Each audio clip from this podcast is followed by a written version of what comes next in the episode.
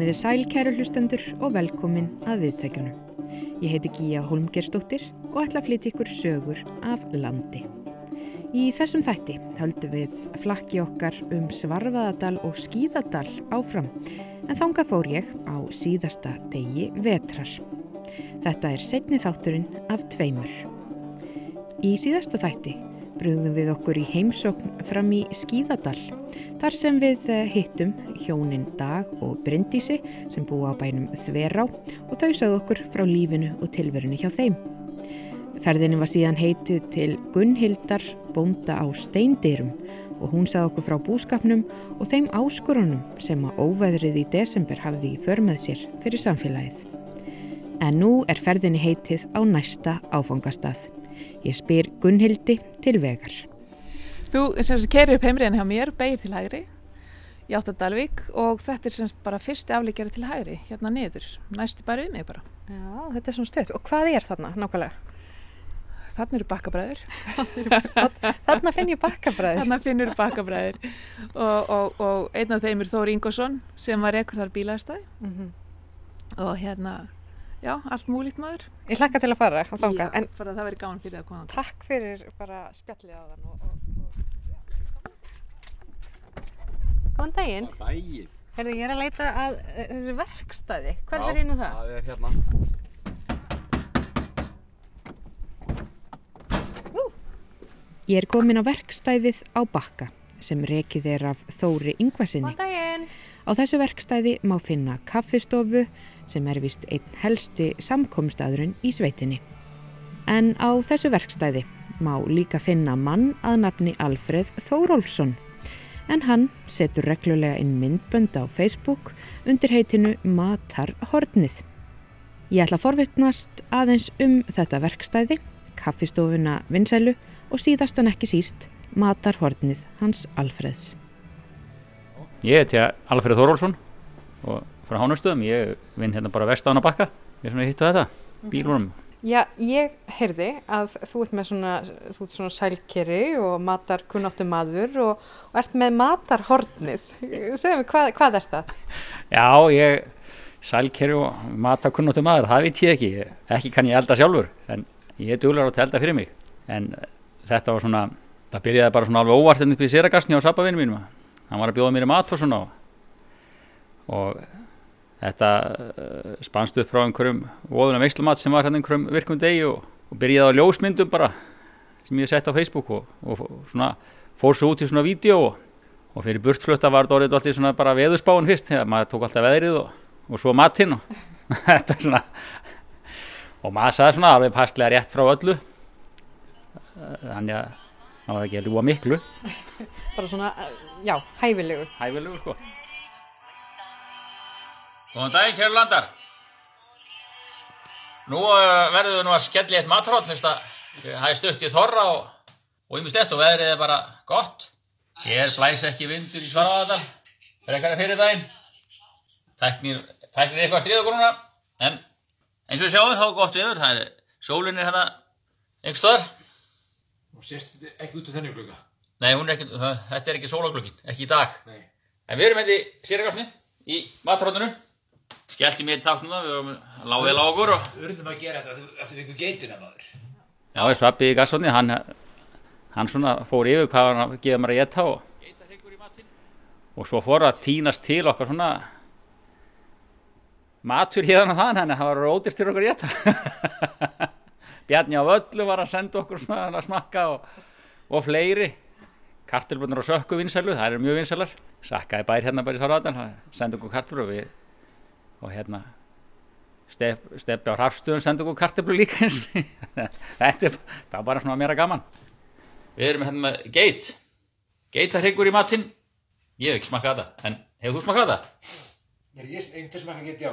Það er fínt. En, Og þessi, hvað, hún er frá, hún er frá Bóti slett okkur hafan Bótís, já Hann þessi Vittingarnes, já Hann er búin að lengi á leiðinni. Já, hann er bara fór á stað þarna var það fyrir jól? Fór fyrir jól, fór norður á Akureyri Fór svo aftur vestur í Skagafjörð Endaði fristikistur á flugumýri. Nú, Já, hann er búin að vera, já. Þetta er viðförul geit. Já, Þetta er náttúrulega stór ættað. Lítur að vera. Hýttur að vera. Og við höfum þetta við höfum bara brúna sósu og kartöflur og bönir og rauðkólis og seppasósu, Já. svo í gamla daga. Já, þetta er bara æðið maður. Já, við erum ekki með neitt svona eitthvað káldrasl og svona með þessu. Nei, nei, nei, nei, það er fyrir, Mest, mestalega rauðkálið, sko. já, Það er svona, það var alltaf í gamla daga. já, En það er ekkert annað, við verðum bara að fara að geta þetta. ég held að. Svo höllum við að fara á snjóbretti. Heyrðu, já, Við ætlum að fara upp á topp á snjóbrettum við Sabi. Maggi Skafferíkur var að skulla okkar á snjótrúðaranum upp svo þurfum við ekki að eyða hálfum degi að komast í liftuna. Já, já, það er vist erfitt að færa liftu á snjóbretti. Það er hægt. Það er vist ekki hægt. Nei, Og svo ætlum við bara að í keppni niður. já. Og það við, við verðum bara að gefa setna út hvaða dag, dagur þetta verður. Já, já, það var gefið út setna. Já, Við látum taka þetta upp. Við getum sínt þetta. já, kennsluefni. kennsluefni svona. Við gefum, við gefum út kennsluefni. Þeir eru fyrir flipp-flapp og svo leiðis. Á, flakk, flikkflakk. Eða flikk, eða eitthvað, þú veist, heljarstökum Já. sem þetta er ekkert mál, ég er búin að sjá þetta. Á YouTube. Já, þetta er, er ekkert móndamál. Það snýst bara um að gera þetta. Það er bara að gera þetta. Já. Erðu, við ætlum að fara í geitina. Þetta er Alli sem talar um sérgásinni. Segðu mér aðeins frá þessum stað, þessu verkstæði hérna á Bakka. Hvernig staður er þetta? Heyrðu, þetta er verstaði sem að Þór opnaði hérna 2011 hann byggði þessa skemmu hérna þessi 350 skemmu og, og kom upp liftum og, og hérna, já, hann er byggjurverki og hann fór svona að gera við og, og svo hefur þetta bara stækkað og, og 2015 fór ég að vinna hjá honum þegar ég flutti aftur í dalinn og hérna, og að búa í burtu alltið og svo eru við þrýr og, og fastir núna, er byggjulerki líka, Ari. Og Daði sonur hans þannig yngsti, hann er allt hérna líka hann er nú í skóla að læra bílasmíðu og, og hætti náttúrulega að byrja í kringu dráttavelar og, og, og, og heifinum tæki og þarna búskapinn í sveitinu en svo hefur þetta bara stækkað hjá honum og er bara orðið mikið, við erum konið í dekkjaþjónustu og smurþjónustu og, og bara allt mögulegt, játsmíði, hann mikið, eða var mikið og er svona þegar það fellur til játsmíði líka. Og þannig snýst þetta hérna. Aðalega. En svo er þetta mikill samkomu staður, hef ég heyrt. já, já, þeir, þeir segja já, ekki þessa dagana það er mjög rólegt þessa dagana en, en kaffistofan hérna uppi er oft þétt settinn, það er satt og, og gáringarnir segja að hérna flestar ef ekki alla sögur í svarátar það er fæðist á kaffistofni á bakka. En það getur vel verið að það gerir það en það eru alla sannar. Ég hef ekki, hérna kemur Þór. Blessaði Þór, ég er hérna að taka viðtal við matkæðingin með hérna matarhornið. En þú ert eigandi þessa verstæðis? Já. Já. Uh, segðu mér aðeins frá verstæðinu þínu. Þetta er bara venjulegt sveitavestæði sem gerir það sem þarf að gera hér fyrir bændur og aðra sem koma. Erum tölvert í játsmiði líka. Við vorum, Ert þú alin upp hérna á bakka? já já, ég er hér fættur og uppalinn.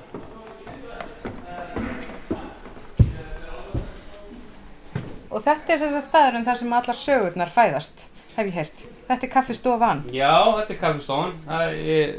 Já já, það er oft, uh, já við, það mæta oft hér tíu manns í kaffi, morgunkaffi og, og hérna, jú, það, menn hittast hérna svolítið. Þannig að það er bara mjög fínt. Ég spurði hann Alfreð áðan hvað var í svona hans uppáhaldsstaður hérna á svæðinu. Mér langar að spyrja þig að því sama, hver er svona þinn uppáhaldsstaður hérna á þessu svæði? Svarfaðadalur, skíðadalur, hérna. Já, ég meina, Hvar líður, líður Ég þér líður best? þetta bara langt best hér sko, það er bara þannig, ég, það er, na, mér líður bara eh, rosa vel þegar ég kom hér upp í fjall og, og, og horfi hér yfir, þetta er bara, þetta er bara dásanlegt. Jó, ég held að, ég held, ég held að sé bara þannig að mér líður langt best bara hérna á þúunni sko, það er þannig. Og þú vunni á bakka. Já. Takk fyrir og gangi ykkur vel. Takk. Við fórum þarna upp á kaffistofuna á verkstæðinu á bakka sem yðurlega er þjætt setin og mun áraðanlega fyllast fljótt aftur þegar þessum skrítnu tímum líkur. En nú ætla ég aftur að tala við hann Matarhorts Alfreð og fá hann til þess að ljúka þessari heimsókn. Það er nefnilega síðasti vetrardagur og þú ert nú þekktur fyrir veðurlýsingar þínar. Já. Þannig að mér langar til þess að kíkja aðeins út á hlað og fáðu til þess að segja okkur hvernig veðrið er hérna Já. á þessum síðasta degi vetrar. Já, ég er góði landar. Þetta er, svoninu veðrið í Svarvardal í dag. Ef við horfum hérna austrið, þetta er bara sólinn og heiðskipt nánast eins og, eins og flesta hinna dagana og verður á, ábyggilega áfram því að ég vetur fengu örfóða dagar sem að svona gjólaði og, og muggaði en það er búið í bylli og nú er bara sumarið og, og þetta er það sem við sjáum í sumar, það verður svona. Það er glampandi sól, það er staf á logg og það er snjóri í fjöllum með þá og aðeins geispar í smá skí hérna í loftunum en það er nú ekki mikið. Þannig að og fugglarsöngurinn náttúrulega eins og hann er orðin svo ráðal og er yfirleitt. Það var þarna stórhiða daginn sem kom í vettur þá heyrist ekki fuggli en veldi eru fugglarnir hérna alltaf syngjandi hjá okkur í dalnum. Svona er það ráðalurinn bara sól og logn og það helst til að heitt ef eitthvað er eins og yfirleitt hérna í Svarvadal Þannig að það eru bjarti tíma framöndan Já, það er, bjart, já, það er bjarti tíma framöndan Þetta eru þetta indislegt hérna. Það er það sko. En við mátt alveg komið að ef það er hægt þú er tíma til þess að við erum með dekkið þjónustu líka hérna við erum einað þeim fljótustu í dekkjaskiptorum en ég veit að allir og félagir á dekk og smuri stíksjálm eru snöggir en ég heldur sem heldur fljóttari hér á bakkaðis Svarvadal er einhver ríkur, er einhver ríkur þarna á milli?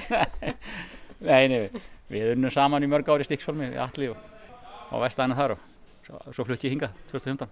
Þannig að ég var aðlega að koma að staði að, að við sem heldum fljóttari hérna á B3 bakka en, en allir á félagar og dekkur spur. Segð mér svona að lókum, hver er þinn uppáhaldstaður hérna á svæðinu? Það allir að sé ekki afréttin í Skíðardal. Það er náttúrulega, er alveg, alveg með einn dæmum gaman þar á haustin í göngunum í áriðtinni. Það er félagskapurinn og í, í gáðunum ánu kóðunum og söngurinn og, og allt í kringum það. Þetta er, þetta er einn stærsta háttíð í Svaravadal, það er gangunahelgin og, og afréttin.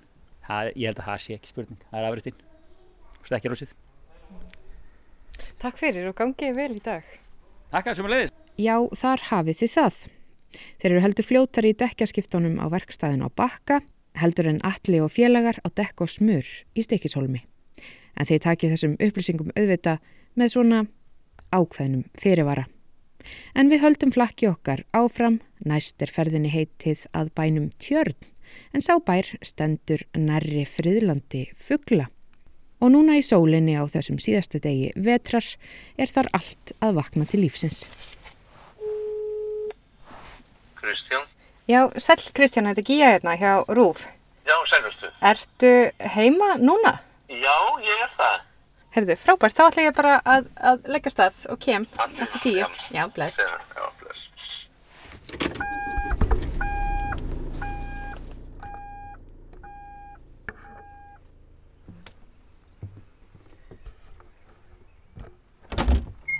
Góðan og blessaðan daginn. Kristján. Já. Sæl. Gíja, og þá ger ég bara svona.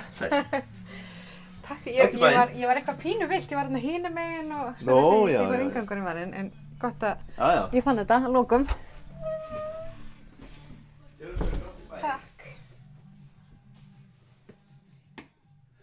Ég heiti Kristján Eldjón Hjertarsson og er byggingafræðingur og uh, vinn við það uh, sem sjálfstætt starfandi. Vinn hérna he heimannað. Og við sitjum hérna fyrir utan eh, bæinn Tjörn í Svarvaðadal. Þetta er nú æsku heimilið þitt.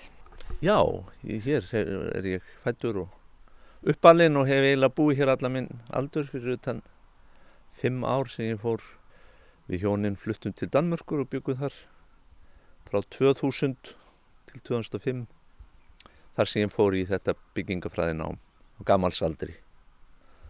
Og það er síðasti vetrardagur í dag og það er nú kannski svona viðegandi það er.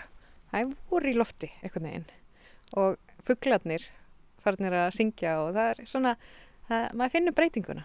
Já, heldur betur. Er, þetta er búin að vera ansi strempin vetur, mikil e, óveður og, og snjóþingsli og alveg einstaklega leiðinlegur vetur með alls konar áföllum. Þannig að þeimun indislegra er það þegar, þegar vorið bankar á dynna loksins, loksins. Með öllu sínu lífi og uh, Við erum farin að heyra vel í, í farfuglónum sem er að koma. Raunar strax í byrjun e, apríl voru svona fyrstu fuglarnir farinir að, að, að láta sjá sig en kom ju raunar að, að mjög hvítu landi, það var nánast ekki á dökkandíl að sjá hérna í byrjun apríl, mikil snjór yfir allt.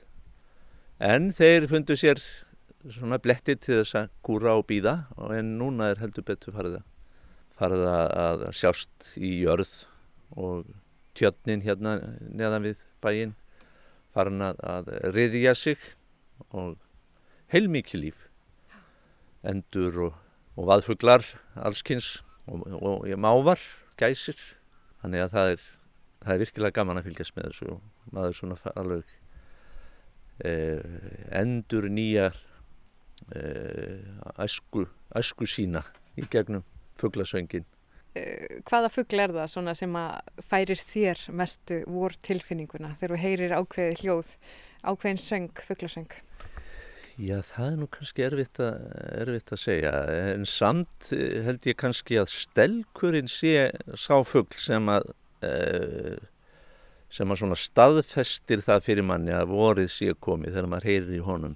Hann er svona, þó hann sé ekki skemmtilegu söngfuggl, þá er hann mjög ábyrrandi og mikið á honum hérna og mér þykir vendum hann og, og svo þegar að tjaldurinn það er nú ekki mikið að tjaldi og hann er ekki búin að vera hér e, að ég man mjög lítið eftir honum í minni bensku en, en, en þeir eru svona heima kærir og það er alltaf sama parið sem kemur hérna á varpan ég reyndar, ég er ekki búin að sjá það núna í vor en ég hlakka mikið til þess að hitta þau aftur Já. þau eru alltaf á sama stað og eru búin að vera hérna allavega síðustu tíu árin uh, hugsanlega afkomendur sem að koma heima í, í varpan líka Já. en uh, ég hlakka mikið til að fá, fá þau heim Já. En hérna niður frá er friðland svona friðland fuggla Jú, það er nefnilega það, það, þetta er fyrsta votlendis friðland landsins og raunat alltaf merkilegt að, að e, sko náttúru vendar ráð uh, var sett á stopn 1971 og uh, fór þá strax að, að uh, velja staði fyrir friðlönd og svo merkilegt varð að, að strax 1972 eru það að frumkvæði landegenda og bænda hérna í Sarvaðardal er flæðarnar hér frá sjó og 5 km hann við seitt gerðað fríðlandi og sérstaklega fyrir fuggla með svona hefbundu 90 það, ekki, það, það er ekki hvaðir um að, að að það megi ekki nýta landi, það er þert á móti, það er nýtt til beitar og, og slæju. En það er hins vegar algjörlega e, grundvallaratriði að, að landi sé ekki þurka, það sé ekki grefninskurðir umfram þeir sem voru og það var ekki kvöðum það að það erði fyllt í þá. Sem menn hafa þó verið að gera aðeins núna í, í setni árin.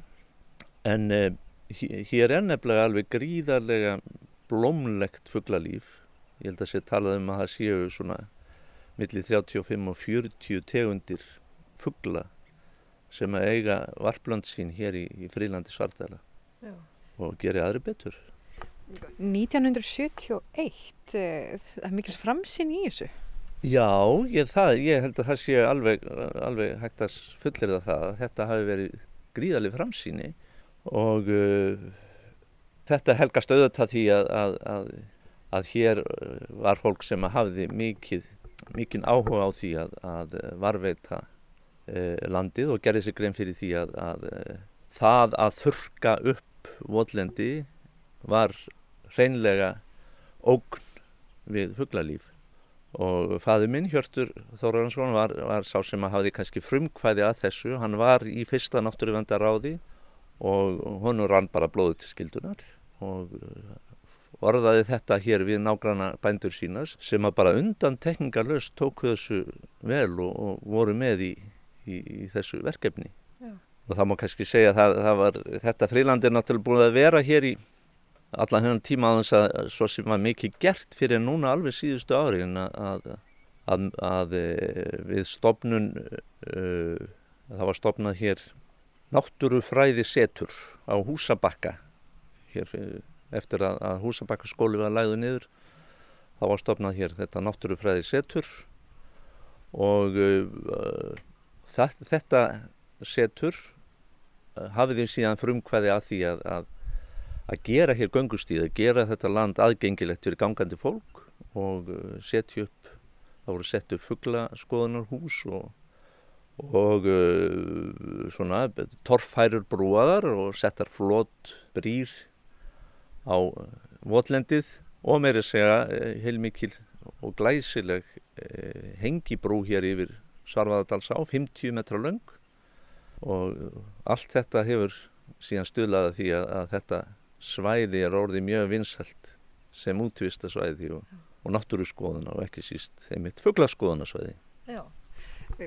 Þú hefur nú einmitt farið hérna mjög víða og ekki bara hérna um friðlendið heldur nú hefur þú farið mikið til fjalla og hefur verið mikið í fjallaferðum og, og, og farið með hópa hérna um svæðið.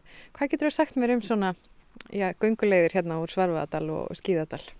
Já, það er, þetta er nú alveg einstaklega, eh, held ég, einstaklega ríkt svæði af góðum göngulegðum og, og góðum útvista svæðum. Það er, það náttúrulega eins og, eins og uh, ég verið að tala um, lálendið, það er, það er gríðarlega skemmtilegt og, og uh, ríkt af, af fugglalífi og dýralífi og svo er það allir þessir þverdalir sem að ganga hér út úr Svarfaðardalnum sem enda yfirleitt í, í skörðum, fjallaskörðum yfir í næstu byggðir.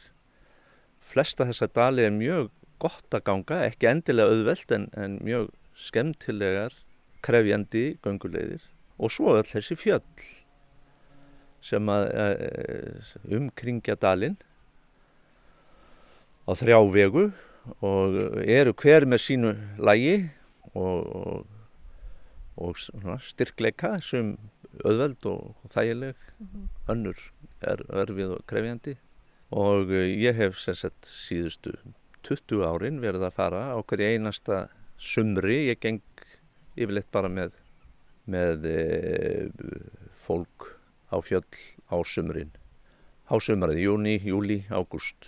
Og e, það, það er alveg samdóma álit allra þeirra sem að hafa farið með mér í þessa göngur að þetta svæði sé með svona allra skemmtilegustu gungusvæðum ekki síst vegna þess hvað þetta er alveg við hendina, maður þarf ekki að keira svo sem neitt til að komast að rótum fjallana eða í þessa dali. Þannig að þetta er, þetta er kjörland gungufólks Já, hver er svona þín eftirminnilegasta gunguferð? Já, það er nú auðvöld að svara þessari spurningu.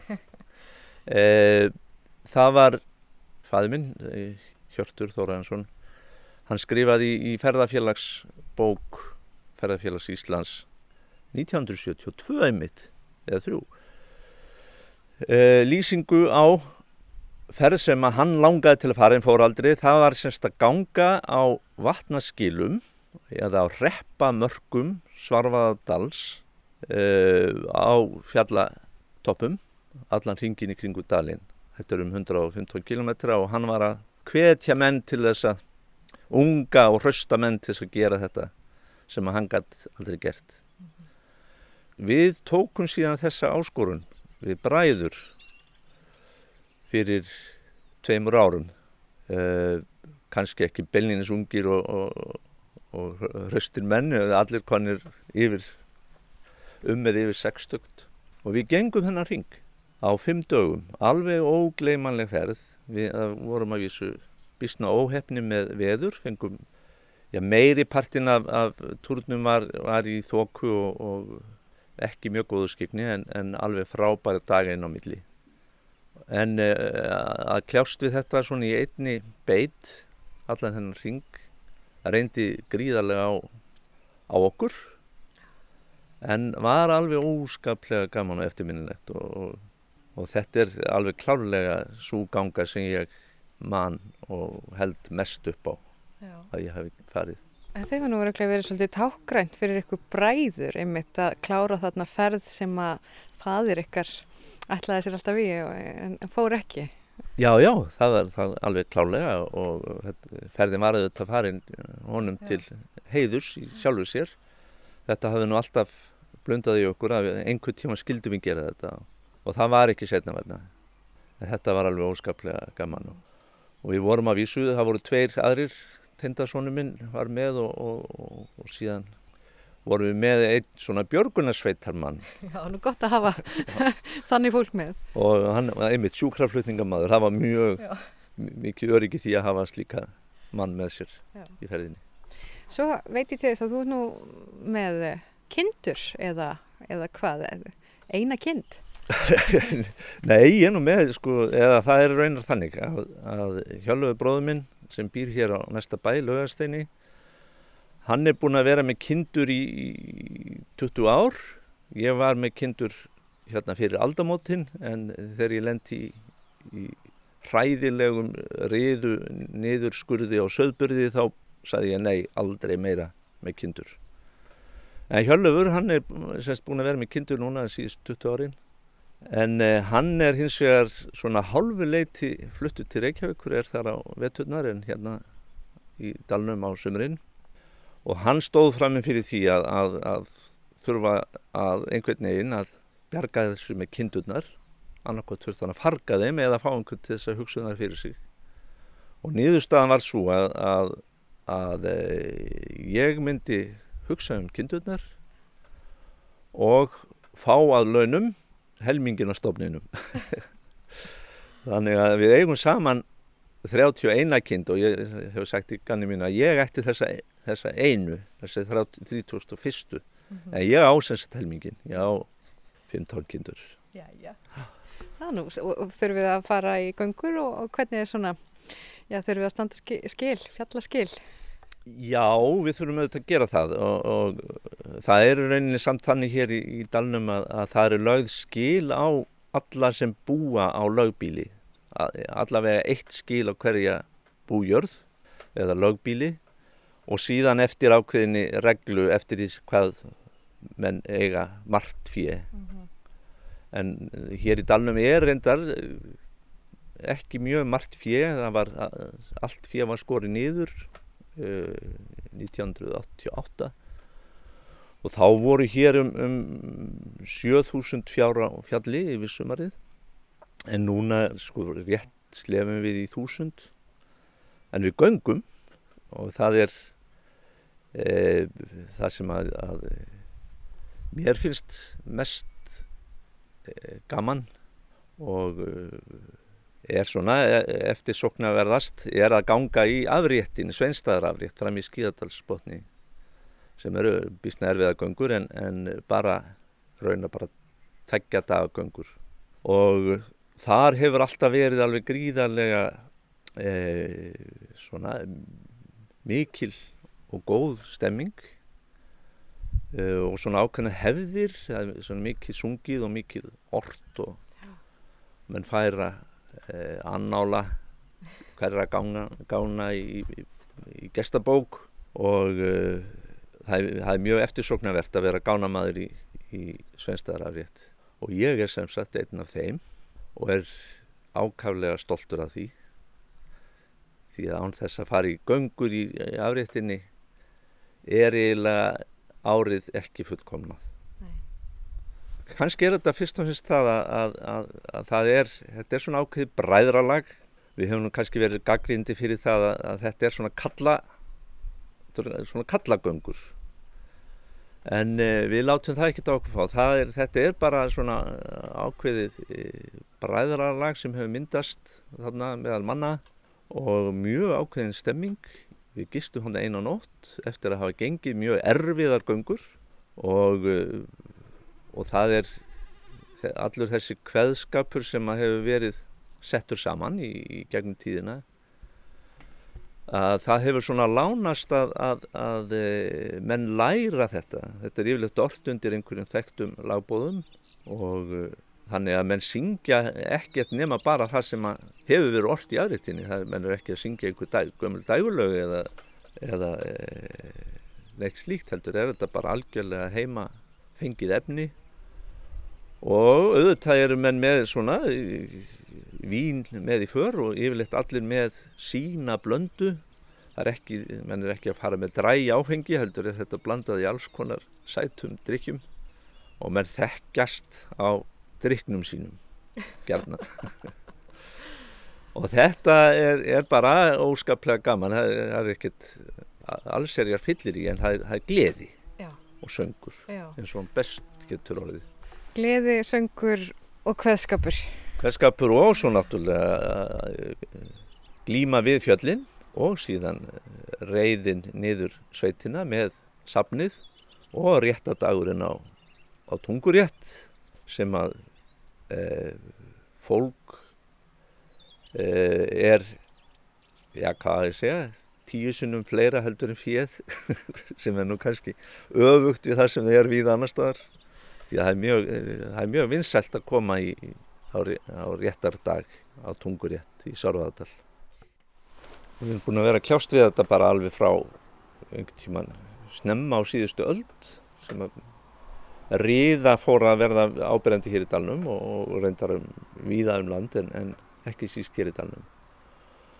Og svona í setni part síðustu aldar þá var farið að kveða mjög rand að þessu og þetta var bara hjó mjög stór skörð í söðfjórstofninu og uh, það varð og, og sumir voru búin að skera niður eins og við hér á tjötna voru búin að skera niður í tvígang en riðan kom alltaf upp aftur. Og svo var bara ákveðið að, að menn tækju höndum saman og það er bara skorið niður í öllum dalnum. Og það var gert hann 1988 og það var söðlöst í eitt ár og þeir sem hafðu verið lausir við riðu þeir gáttu keft aftur. Hínir þurfti að vera í þrjú ár söðlösir Hvernig áhrif hafði þetta á bara svona, Já, þetta auðvitað hafði þetta eh, áhrif á sérstaklega þá sem kannski höfðu voru aðalega með kindur, það voru nokkri bændur hér sem að voru kannski engungum með kindur. Og þetta hafði auðvitað áhrif á þá en, en, en það var auðvitað komið á móts við bændur í, í ríkið koma á móts við bændur sem voru að reyna að útrýma þessari pest og þessari veiki með því að menn fengu menn fengu bætur. Það voru kallað svona afurðatjónsbætur. Og svo fengum við bætur fyrir alla skepnina sem voru, voru drefnar skolna niður.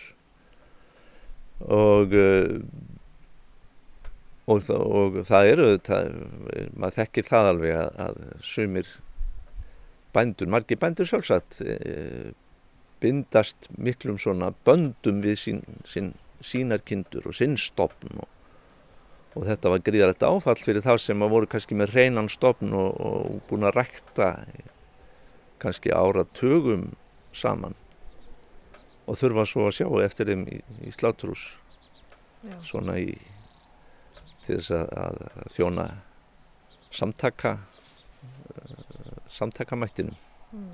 Og þú þurfti nú sjálfur að skera niður, það ekki? Jó, við vorum, sko, við vorum búin að skera í tvígang niður og, og uh, þarna þegar þetta kemur þá erum við með tiltölulega nýjan stopp sem við keftum frá vestfjörðum og við erum bara að skera hann niður.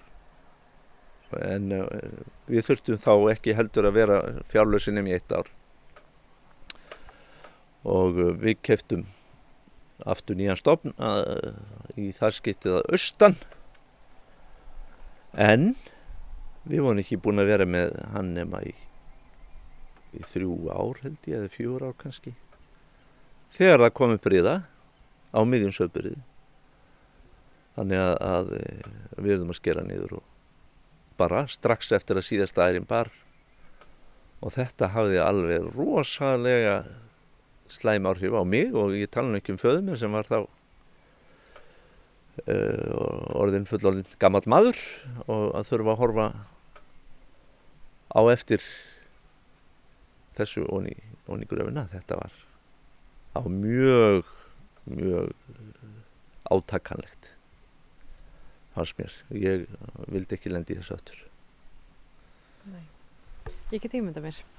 Þetta hefur auðvitað verið erfitt, sérstaklega á söðburði.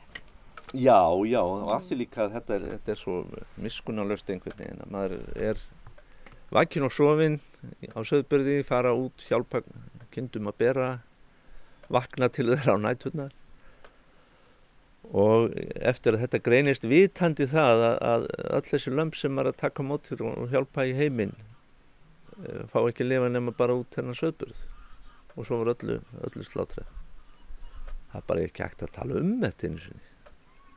Þetta er svo dapurlegt. Og þetta var mjög skringilegt.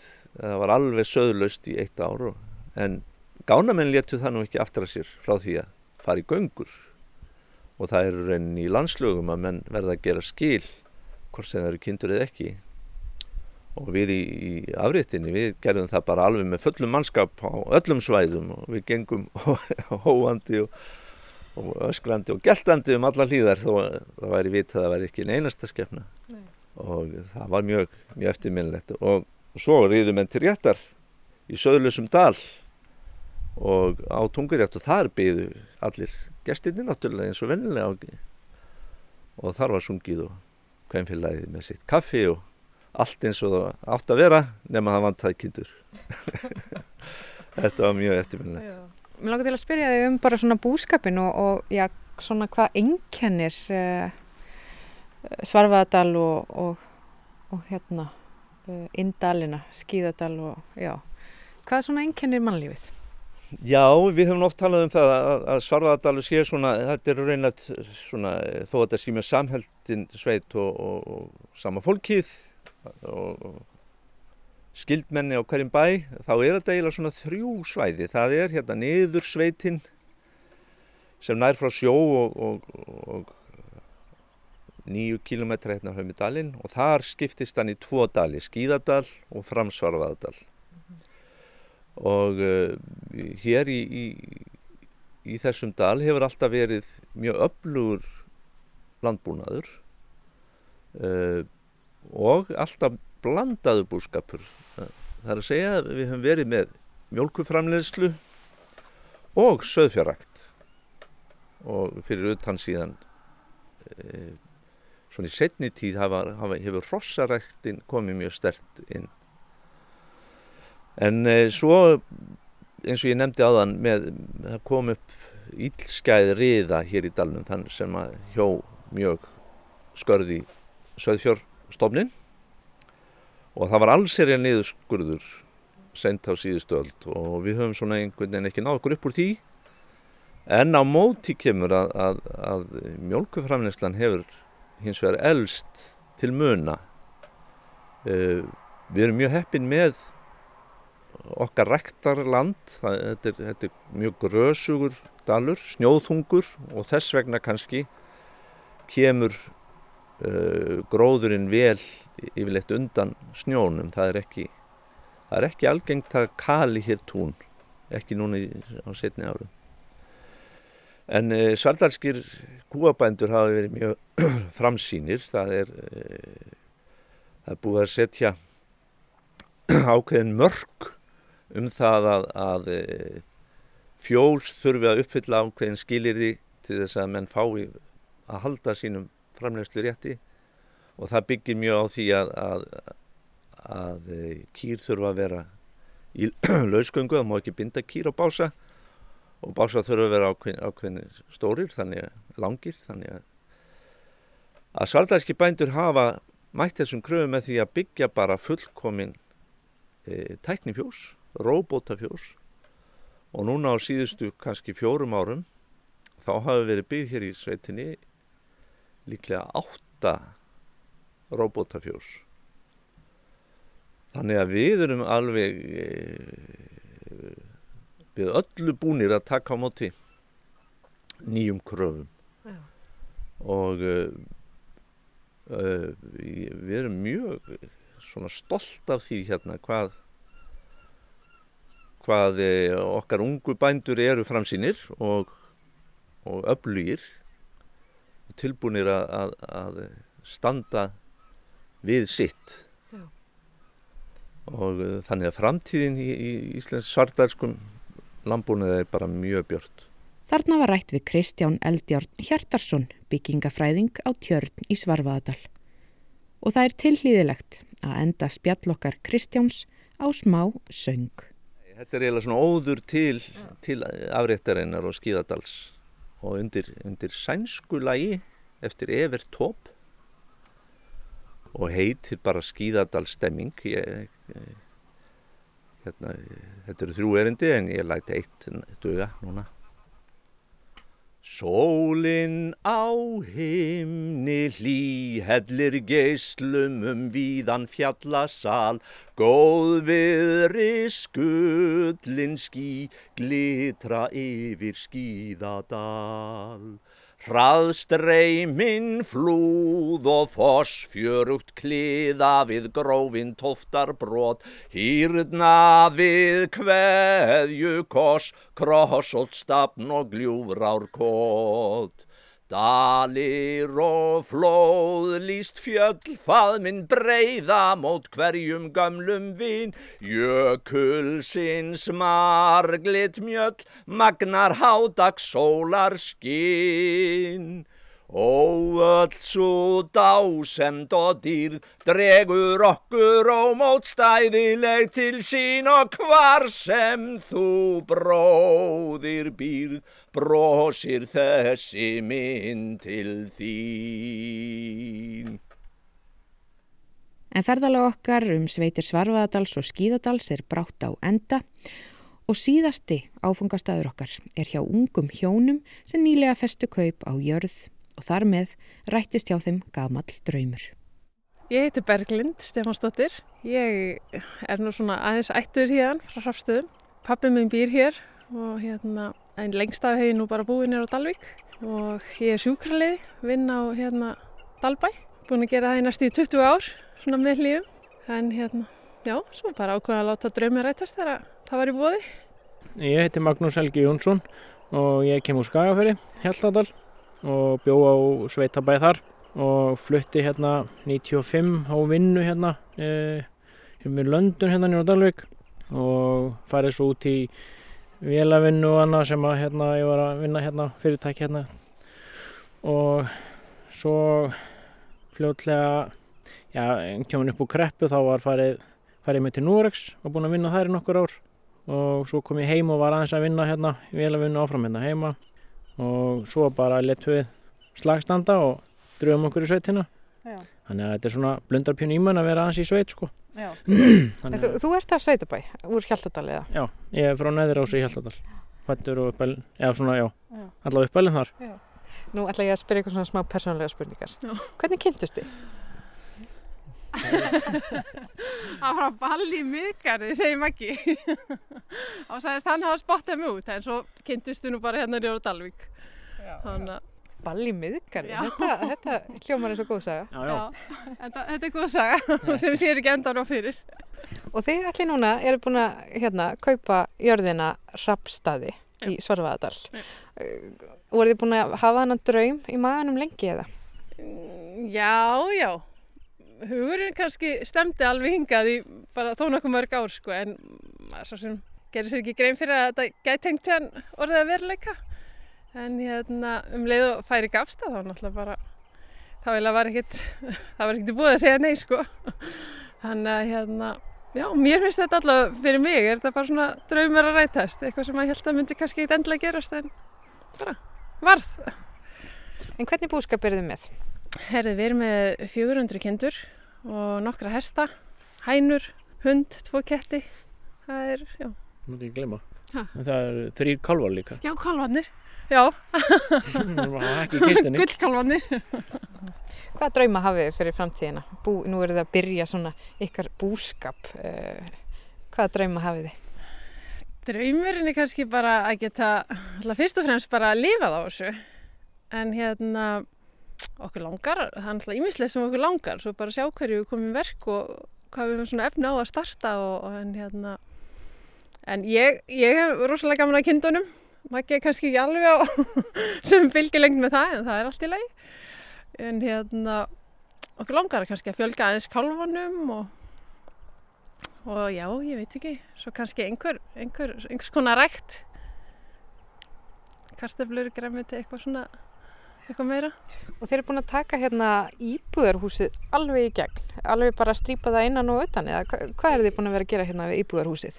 Við tókum það na, þegar við komum hérna að þessu, einhvern veginn í, var ekki byrjun september, minnum mig, að þá byrjum við á því að saga bara rásir í gólf fyrir nýtt skólp og, og svo bara í framhald af því og náttúrulega bara allt sem að því fylgir, hitti í gólf og það var náttúrulega algjörlega strípað innan sko.